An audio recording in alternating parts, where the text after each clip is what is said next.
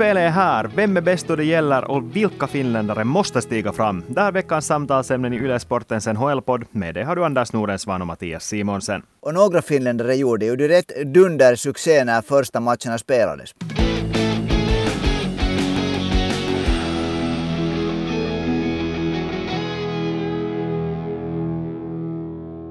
Men Anders, nu är det så att vi måste börja det här avsnittet med att återkoppla till det vad vi har sagt tidigare. För vi är ju såna att vi gillar att tippa. Och vi gillar att sticka ut hakan och säga att vi vet hur det kommer att gå den här säsongen. Och nu har det här faktiskt gått lite snett, för människor tänker ställa oss till svars för det vad vi har sagt. Både Jens och Tom har skrivit in och sagt att vi måste berätta hur det har gått för vissa av våra tippningar. Så nu är det väl ändå så att vi måste bjuda dem på det här. Eller vi måste liksom bjuda på oss själva lite här och kanske i värsta fall krypa till korset också. Ja, speciellt som det väl finns dokumenterat vad vi har sagt. Exakt. Men hej, eh, inför säsongen så hade vi ett avsnitt där vi uttryckligen sa att vi skulle dra fram spåkulan och försöka tippa hur det kommer att gå den här säsongen. Det finns vissa saker som vi inte ännu kan slå fast, till exempel vem som kommer att bli årets nykomling och sånt här. Men vi vet redan nu framför allt vem som vann den finska poängligan, för det var någonting som väckte mycket intresse. Så Anders, minns du hur du tippade då, eller ska vi ta och lyssna?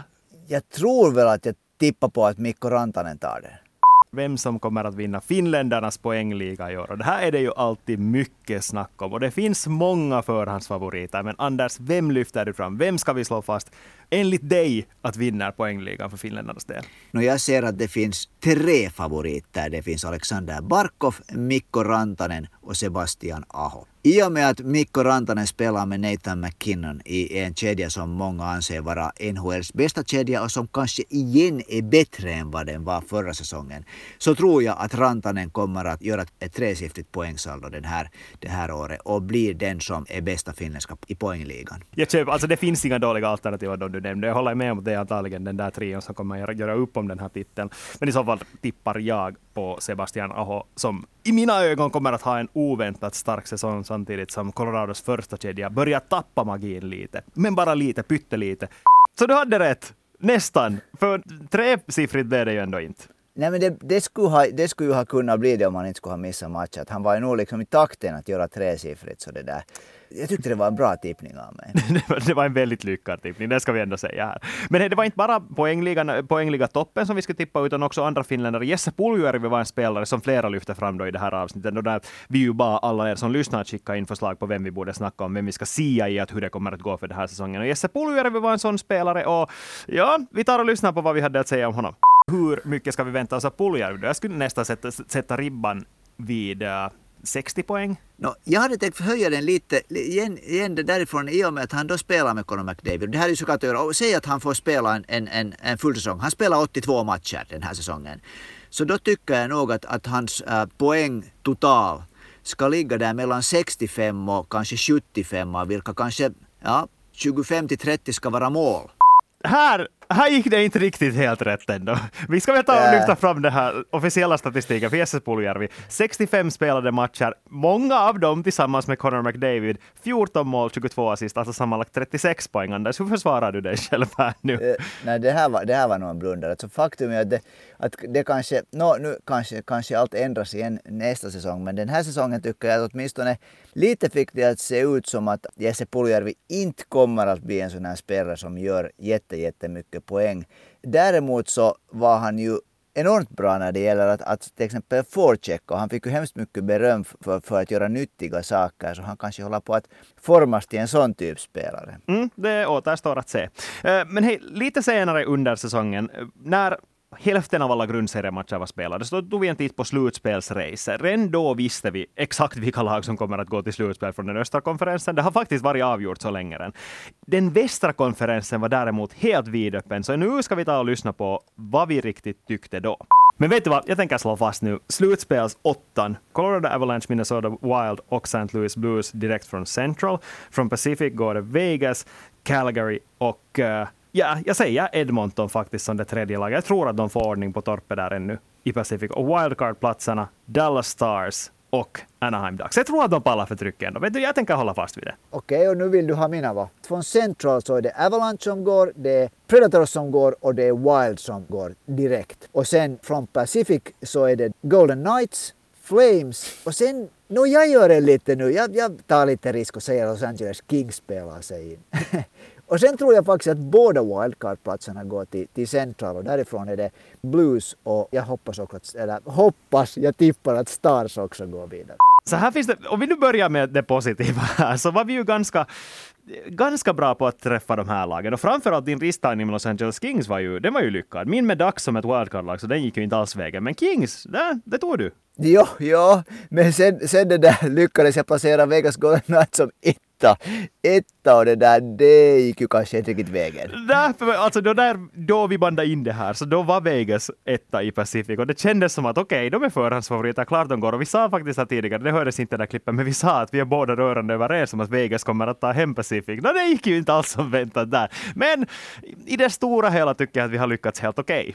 Och speciellt tycker jag det var ganska bra det där för att, att båda wildcard-platserna gick till Central fast det, inte var, det inte var det där Blues och Predators flyttade platser där men det där Dallas gick, gick som det där wildcard-lag så det gick ju, där satt, det satt rätt. Mm, så jag tror att vi kan slå fast att trots att du hade lite väl höga förväntningar på Jesse Puljujärvi så vann du nog den här tippningsrundan. Okej, okay, jag säger inte nej om du vill, om du vill det där. Jag tycker, jag tycker nog att vi kanske ingen riktigt det där får rena, rena det där kort.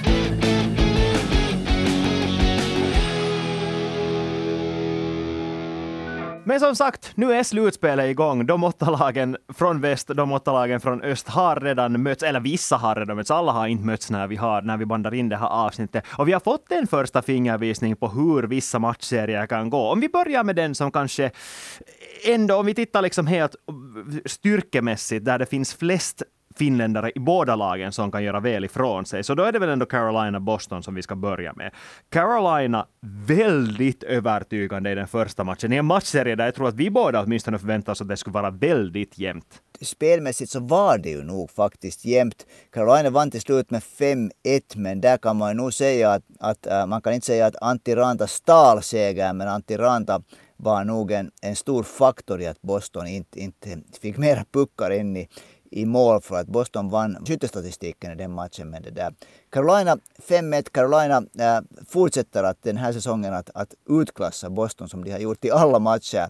I, de, i grundseriematcherna låg det 16-1 efter deras möten. Jo, alltså, jag skulle kanske säga så här att Antti Ranta la grunden för att Carolina vann den här matchen. För helt fram till det här 1-0 målet som kom i slutet av den andra perioden, så fram till det var det ju alldeles otroligt jämnt. Och fram till det så hade också Boston riktigt, riktigt bra längre. Det här sa Rod Brindamore, Carolinas tränare efteråt också, att Antti Ranta höll dem i matchen och det var ju det vad han gjorde. Och efter att det här första målet kom så blev det lite av en sån här ketchupflaskeeffekt, kalla den vad ni vill. Men i tredje perioden kändes det som att Carolina kunde spela utan press. Och det som jag skulle lyfta fram som det viktigaste här, för att om vi ändå tittar på den här matchen, så Sebastian Ahos kedja den var inte så där jätte, jättebra i jämförelse med Erik Haulas kedja som de ändå matchades mot ganska mycket. Och i slutet fick de ett mål i tomt mål och jo, oavsett om det kom i tomt mål eller inte, så kan det vara att det till, det till och med får den här stressen att släppa på ett sånt sätt att de kan kanske spela lite mer avslappnat i nästa match. Men det var ju den kedjan som var inne när vi 1-0, det var Seth Jarvis som styrde 1-0. Och då var det, uh, Aho fick inte, inte assist på det målet, men för han, han skulle ha fått ett tredje assist om det skulle ha om, om skottet skulle ha gått direkt in och inte tagit Jarvis så skulle han ha fått en assist där. Jag måste säga att jag tycker att, att Aho dominerar ju till exempel i teckningar. Han tog, han tog 60 procent av teckningarna. Och jag tycker att han spelar nu en sån där grymt ansvarsfull hockey. Han gjorde liksom inga dåliga beslut. Han tacklade faktiskt riktigt tungt många gånger. Jag tyckte att Aho var väldigt taggad i den där matchen. Och i och med att det såg ut så här från första början så kan Boston svara på det här? Det är ju det som är frågan nu. För att jag hade på något sätt tänkt att Boston kanske är det som kommer mer redo in i den här slutspelsserien. Att det sen är upp till Carolina att anpassa sig, att på något sätt väcka spelarna, väcka den här slutspelsglöden. Men den verkar ju finnas där från start, så kan Boston på något sätt utmana Carolina. Då det här är faktiskt något som, något som vi har fått in en fråga om också. Thomas lyfter fram, helt som du också har lyft fram, att senaste, de två senaste gångerna då Boston och Carolina har mötts har Boston varit klart bättre. Är Carolina faktiskt redo att ta det här steget? Det är ju en jättebra fråga. Nu var det första gången Carolina nu vann den inledande matchen. Efter en insats där det där Boston vann skottstatistiken, Carolina vann överlägset äh, tacklingsstatistiken och ah, gjorde fem mål. Så det där, åtminstone på basis, av, på basis av första matchen så ser det ju ut som det skulle vara ett mer moget Carolina-lag. Vi har också fått in en tippning. På tal om tippningar behöver vi inte stå för den här gången. Simon har skickat in, han skriver så här. Han tror att Sebastian Aho kommer att vara den spelare som gör mest poäng i serien och att Carolina går vidare efter sex matcher. Skriver vi under det här? No, nu fick han ju en poäng i första matchen. Ska vi säga att det där med sex matcher skriver jag under. Jag tror också att Carolina går vidare med, i, med sex matcher, men det där, det där, vem som blir bäst i poäng vågar jag inte riktigt ännu gissa. Eh, ja, jag skulle inte heller säga att Sebastian Aho visat i den här första matchen att han faktiskt kunde vara poängbäst. Eh, men sen samtidigt så är det nog faktiskt, nej vet du vad, jag tänker säga, ja okej, jag går med på att Sebastian Aho kan vara poängbäst. Men jag tror att det här faktiskt, av alla serier just nu, så är det här den näst mest sannolika att sluta 4-0. Nu är det svårt att svepa Boston, men det där, ja alltså, det ska vi säga att, att Linus Ullmark i Bostons mål gjorde inte en perfekt insats. Så Exakt, det, där, det, var just ja. det som jag skulle tänkte lyfta ja. fram också, för de har ett uppenbart problem och det är Linus Ullmark. För att jag och Antti Ranta stod på huvudet i den här matchen och även om han skulle spela sämre i någon kommande match så är det inte hemskt långt ifrån att Fredrik Andersen kommer tillbaks. Så det, Carolina kommer att vinna målvaktsfighten vet vi redan nu helt klart. Och det tror jag till och med kan vara så pass avgörande att de kan vinna den här matchserien 4-0. Och det som jag tycker att talar för Carolina, att Carolina gjorde nu en match som var jättestarkt enligt det konceptet som de har. De, liksom, de försvarar helt grymt effektivt, döda alla utvisningar och liksom vann puckarna där framför Ranta nästan regelbundet så vann de puckarna fast Boston är ett lag som är jättebra att ta spelet till målet. En annan matchserie som många hade ögonen på i natt och kommer att ha ögonen på under resten av den första gången, så det är förstås den mellan Toronto Maple Leafs och Tampa Bay Lightning. Det talades inför från Toronto Maple Leafs att det här kommer att bli en snudd på våldsam serie. Det fick vi nog se i den här första matchen, eller matchen ren. Och en ganska så klar, en överraskande klar Toronto Maple Leafs 5-0 seger över de regerande mästarna. Det var nog en total knockout. Auston Matthews, två mål, en assist. Han levererar direkt. Man har väntat att Auston Matthews ska vara den spelaren som leder Leafs och nu liksom visar han direkt i första matchen att han är redo att bära det ansvaret. Sen det där var det ju en, en det var sån hur ska jag säga, en underlig match ur Tampas synpunkt. Att de misslyckades ju med mycket sånt som de vanligtvis inte misslyckas med. Till exempel med att Kutjerov Kucherov fick inte fram passningar till, till, som, som, han vanligtvis nästan alltid får i lägen som borde ha lett till mål. Viktor Hedman eh, gjorde bort sig. Andrei Vasilevski var inte överdrivet bra. Så att frågan är att har Tampa Bay riktigt ännu startat den här serien? ja, det just det. Och de behövde en lång tid att starta grundseriemaskinen, så hur länge tar det för dem att starta slutspelsmaskinen? Nej, men det som jag tycker på något sätt, för det första ska jag säga att jag hade fel i det tidigare, när jag var lite tveksam på om Toronto överhuvudtaget skulle ha den här glöden som krävs för att slå Tampa Bay, för det har de ju bevisligen. Sen tror jag också att de vet hur man ska möta Tampa Bay. Jag säger inte att Kyle Cliffords tackling i ryggen på den här Tampa Bay-spelaren som jag nu inte har namnet på här rakt framför mig. Colton heter han. Rakt i ryggen på honom. Jag säger inte att den på något sätt går att försvara, men samtidigt vet ju det här Toronto Maple Leafs uppenbarligen hur det här Tampa Bay Lightning gillar att spela. De vet att det här är ett lag som kryper in under skinnet på sina motståndare. Nu var det de som började spela fult från första början. De lyckades döda en fem minuter lång boxplay-sekvens där mot ett av ligans bästa powerplay-lag nu är det helt förståeligt att, att momentum skiftar efter det, att de tar över matchbilden totalt efter att de lyckas göra det. Jo, just det här som du säger att de lyckades utmana riktigt ordentligt äh, Tampa i fysiskt spel, för det har nog egentligen väl inte, inte riktigt någon lyckats med under de här åren som Tampa nu har dominerat. De har en sån här kaxighet, Tampa, att, liksom, att, de, att just det här att, att de, brukar ställa, de brukar smälla till med någon riktigt svinaktig tackling i nästan varje match som är viktig. Så det, där, det gick nog under, under skinnet på det där på Tampa-spelarna. Och nu ska det nog bli verkligt intressant hur Tampa kommer tillbaka i den andra matchen. Två tippningar här också som har kommit in från er som lyssnar. Jonas för det första, han tror att Toronto fortfarande är ett luftslott som kommer att sprängas från Tampa Bay, medan Simon tippar på att den här matchen kommer att gå till Game 7 där Austin Matthews avgör i förlängning. Vilken deras skulle du sätta dina pengar på i det här skedet? No, jag tror inte att det här på luftslottet tror jag nog inte riktigt att det blir på det sättet. Det där med sjunde match så, så det där tycker jag att låter helt, det låter bra. Men jag är nog fortfarande, så tror jag att det blir svårt för, för det där eh, Toronto att slå ut dem. Det tror jag också. Jag tror att om Toronto ska gå vidare så måste de avgöra snabbt. De har inte råd att föra den här matchserien till en sjunde avgörande match. För om den går så långt så då kommer rutinen att avgöra. Det är jag fullt övertygad om. Så jag tror nästan mer på Jonas tippning i så fall att om Toronto inte lyckas döda den här matchserien på säg fem matcher så då är det fördel Tampa Bay och då tror jag inte ännu att Toronto är redo att ta det där sista steget som krävs för att slå ett så pass starkt lag som Tampa Bay. Vi går vidare till den första matchomgångens största skräll. Los Angeles Kings lyckades slå Edmonton Oilers med 4-3. Eller ja, vad säger du Anders som tippade att Kings skulle gå till slutspel? Är det en skräll? Nu, jag hade ju tippat, äh, eh, tippat att Edmonton skulle ta den här serien, men det där ska vi säga nu var det ju just igen det här Edmonton som vi har sett så många gånger. Okej, okay, både Dreisaitl och äh, McDavid gjorde mål, McDavid desto mer assist. Men det där, de lyckades inte avgöra den här matchen. Istället var det Los Angeles ganska tuffa sån här, hur ska man säga, sandpappershockey som det där ledde till att, att de, de lyckades.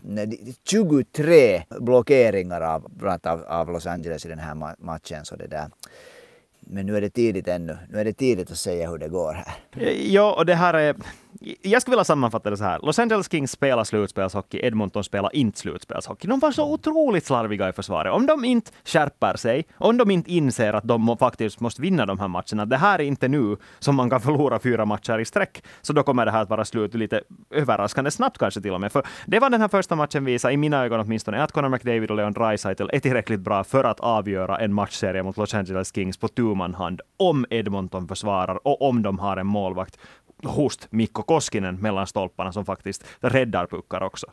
Ja, nu var ju faktiskt, nu var Mike Smith en 40-årig målvakt. St. Louis, Minnesota slutar kanske på det sätt sen, om vi tar, tittar på målvakterna, det sätt som de finländska ishockeyvännerna hade hoppats på. Ville Husso nolla Minnesota Wild. Och det här är den matchserien som jag skulle lyfta fram, där det nu åtminstone på av den första matchen ser ut som att St. Louis Blues kan vinna den här 4-0. 4-0 tror jag inte, jag har, jag har själv tippat på att den här kommer liksom att gå, gå hela vägen. 4-0 tror jag nog inte på, men, men St. Louis har ju nog Minnesota som en, egentligen som en, eh, haft som en liten ask en längre tid än De har vunnit nio av de tio senaste matcherna.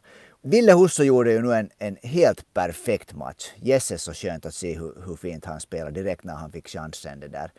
Men uh, nu måste Wild, nu måste de knipa ett par matcher tror jag ändå här. Men jag har ju också tippat att St. Louis går vidare. St. Louis Annars, det ska jag säga nu, St. Louis tror jag för tillfället är bäst av alla lag i hela ligan till att, att föra spelet dit helt nära målet och slå in puckar därifrån.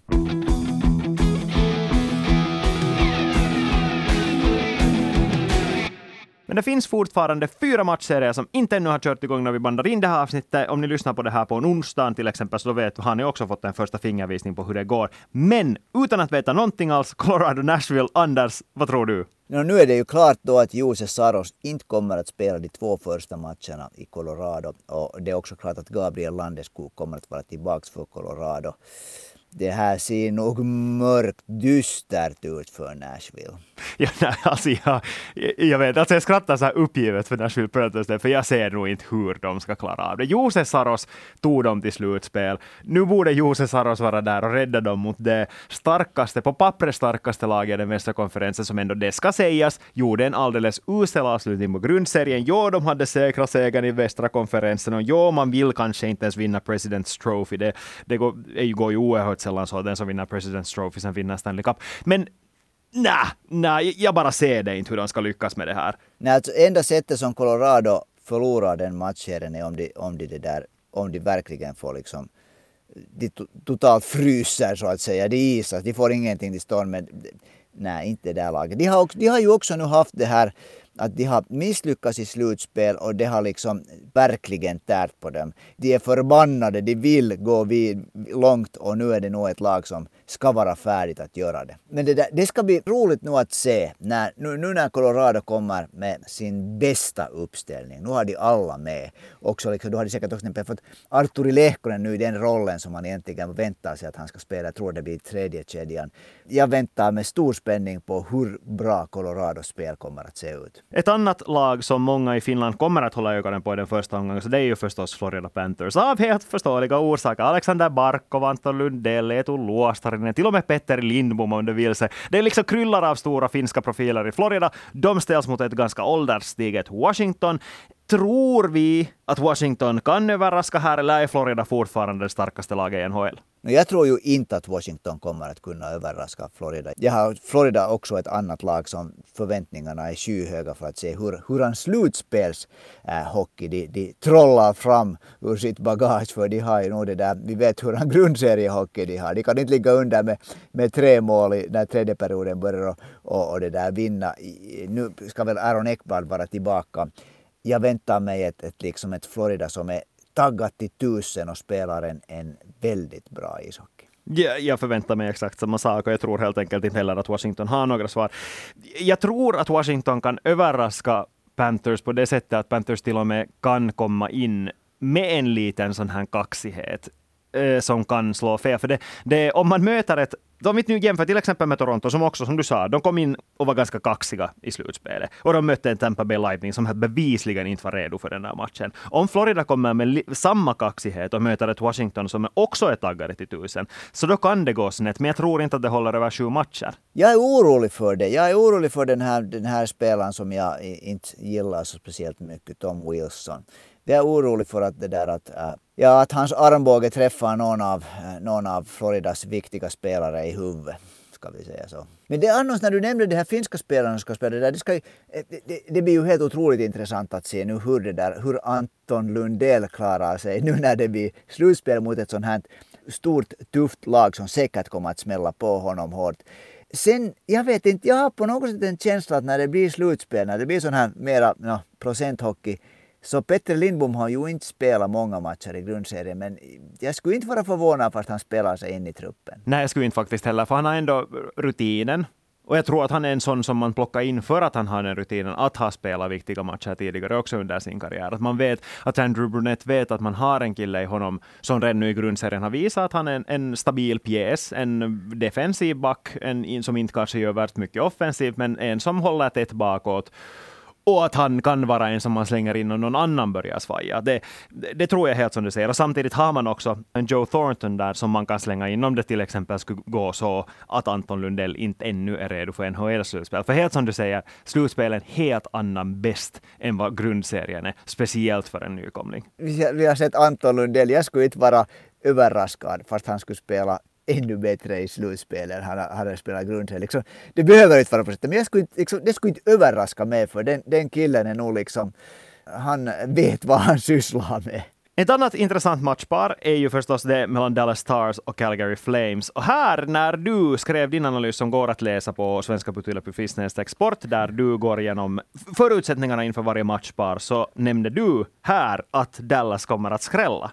Det måste ju bli, det blir säkert någon annan skräll. Det måste ju bli någon skräll och det skulle ju vara en skräll om Dallas äh, slår ut Calgary. Men Dallas är tycker just det där laget som skulle kunna göra det för det är ett lag som egentligen de har underpresterat förutom första kedjan och, och, och backtruppen. Och, okej, okay, målvakterna spelar ganska bra också. Men sen har vi liksom tre kedjor som inte har gjort speciellt bra ifrån sig. Och där finns många, ett halvt dussin med sådana anfallare som egentligen borde vara riktigt bra NHL-spelare som har har, floppat. Nu är det första kedjan som gjorde 45 procent av alla mål för Dallas. Så Dallas är just det här laget som liksom tycker jag totalt kan komma ut och se annorlunda ut när det blir slutspel, bara för att det är slutspel. Ja, jag tror att det också gäller Calgary på ett kanske lite mer negativt sätt. För att vi har ju hackat ner mycket på dem alltid i samband med slutspelet här och jag tänker göra det igen för att ända tills de bevisar att de kan slå en bra motståndare så, så tänker jag säga att de löper risk att förlora mot ett ganska dåligt lag också. För i ärlighetens namn så är ju inte Dallas Stars ett värst bra lag just nu. De är otroligt svajiga, de är ojämna, det finns stora nivåskillnader mellan de olika kedjorna och egentligen på pappret ska de inte ha någon som helst chans att slå Calgary, men ändå tror jag helt som du att de faktiskt kan göra det. Få se nu hur Calgary liksom kommer in i den här matchserien. De har ju också spelare som är det där, sådana som man tycker att borde vara jättebra i slutspel. Matthew Tkachuk, väntar jag mig ganska mycket av. Både också när det gäller den här så kallade grishockeyn så tror jag att han är ganska, kan vara ganska bra. Så har vi Tyler Toffoli som vi såg i förra året i Montreal, hur bra han är i slutspelet. Andrew Mangiapane eh, lysande egentligen. Han, han, han tände tillräckligt under VM och han har varit lysande ända sedan dess. Och så har de några riktigt bra och liksom, sådana här slutspelsbackar som liksom smäller på ordentligt. Och en superbra målvakt. Så det där, det blir nog intressant att se nu att hur, för som du säger, så det är upp till bevis för Calgary. Det kan vara året som, som de här bevisen kommer. Ett sista matchpar har vi att gå igenom. New York Rangers ställs mot Pittsburgh Penguins. Här undrar Jonas, jag tycker att vi kan diskutera det från den här utgångsvinkeln. Jonas undrar, har Rangers det som krävs för att för det första slå ut Pittsburgh och sen efter det ännu också lag som Carolina, och Tampa Bay och till och med Colorado för att kunna gå hela vägen. Men det första hindret här är ju faktiskt Pittsburgh. Har de det som krävs? Det tycker jag att de har. Alltså, Pittsburgh tycker jag att, att Rangers borde slå ut. Pittsburgh har på något sätt tycker jag, de var riktigt bra här under i djupa vintermånaderna. Men sen har det är någonting tycker jag, det är inte riktigt harmoniskt sättet som Pittsburgh spelar på för tillfället. För så kommer de inte att ha Tristan Jerry i mål. Det där, medan då New York Rangers har Igor Sjestorkin i mål som har gjort en av de bästa säsongerna någonsin av en NHL-målvakt i grundserien. Redan det Igor Sistorkin tycker jag att det är den här faktorn som gör att New York Rangers är solklar favorit i den här serien. Sen skulle jag faktiskt också lyfta fram en spelare som jag tror att kan bli ett utropstecken i och med att han var det. Till exempel då eh, under det här coronaslutspelet 2020 så var Kaapo Kakko den klart piggaste Rangers-spelaren i ett ganska dåligt Rangers-lag då. Men om han tänder till på samma sätt nu så herregud, han kan ju bli en av de största finländska utropstecken i den första omgången, om inte hela slutspelet. Bara han först finns med i den här spelande truppen. Det där. Han spelar ju länge i första kedjan. Nu har Frank Vatrano kommit in dit istället för honom och spelat tillsammans med, med Mika Zibanejad och Chris Kreider. Ja, tror du att, att Kakko får starta i första kedjan? Nej, inte behöver han starta i första kedjan. Inte var det i första kedjan som han gjorde sina bästa matcher då heller. O, oavsett så behöver han kanske inte ens vara den som sätter de allra mest avgörande poängen, utan nu vill jag kanske mest framförallt se framsteg av honom som vi inte har fått sett mm. hittills under den här säsongen. Det blir grymt intressant att se. Hoppas han har repat sig från det där. För det har sett helt bra ut nu de här matcherna som han har spelat. Och för Pittsburghs del så är det ju helt enkelt så att det är fortfarande Sidney Crosby, Evgeni Malkin och Chris Letang som ska leverera för att de ska lyckas. Så, såklart så är det otroligt viktigt hur det här samspelet mellan Jake Gensel och Sidney Crosby fungerar. För det har ju fungerat som en, som en schweizisk klocka hela grundserien och Gentzel brukar faktiskt vara ännu bättre i slutspelet än i grundserien. Så det där, där är nog de spelarna som ska leverera. Här har vi också en tippning av Simon som jag tycker att vi kan ta ställning till. Han säger att Penguins kommer vinna efter sju matcher och att Kasperi Kapanen kommer att bänkas efter två matcher. Jag är lite rädd för att han har rätt gällande Kapanen det där, men, men eh, jag tror nog att Rangers tar hem det här i, i sex matcher jag skulle också säga Rangers, faktiskt efter sex. Det är vi helt rörande överens om. Rangers tar här sex, men nej, jag, jag, tror inte, jag tror inte, alltså om Kasperi Kapanen inte har blivit bänkad hittills så kommer han inte att bli bänkad nu heller. Så är det bara. Jag hoppas verkligen att du har rätt.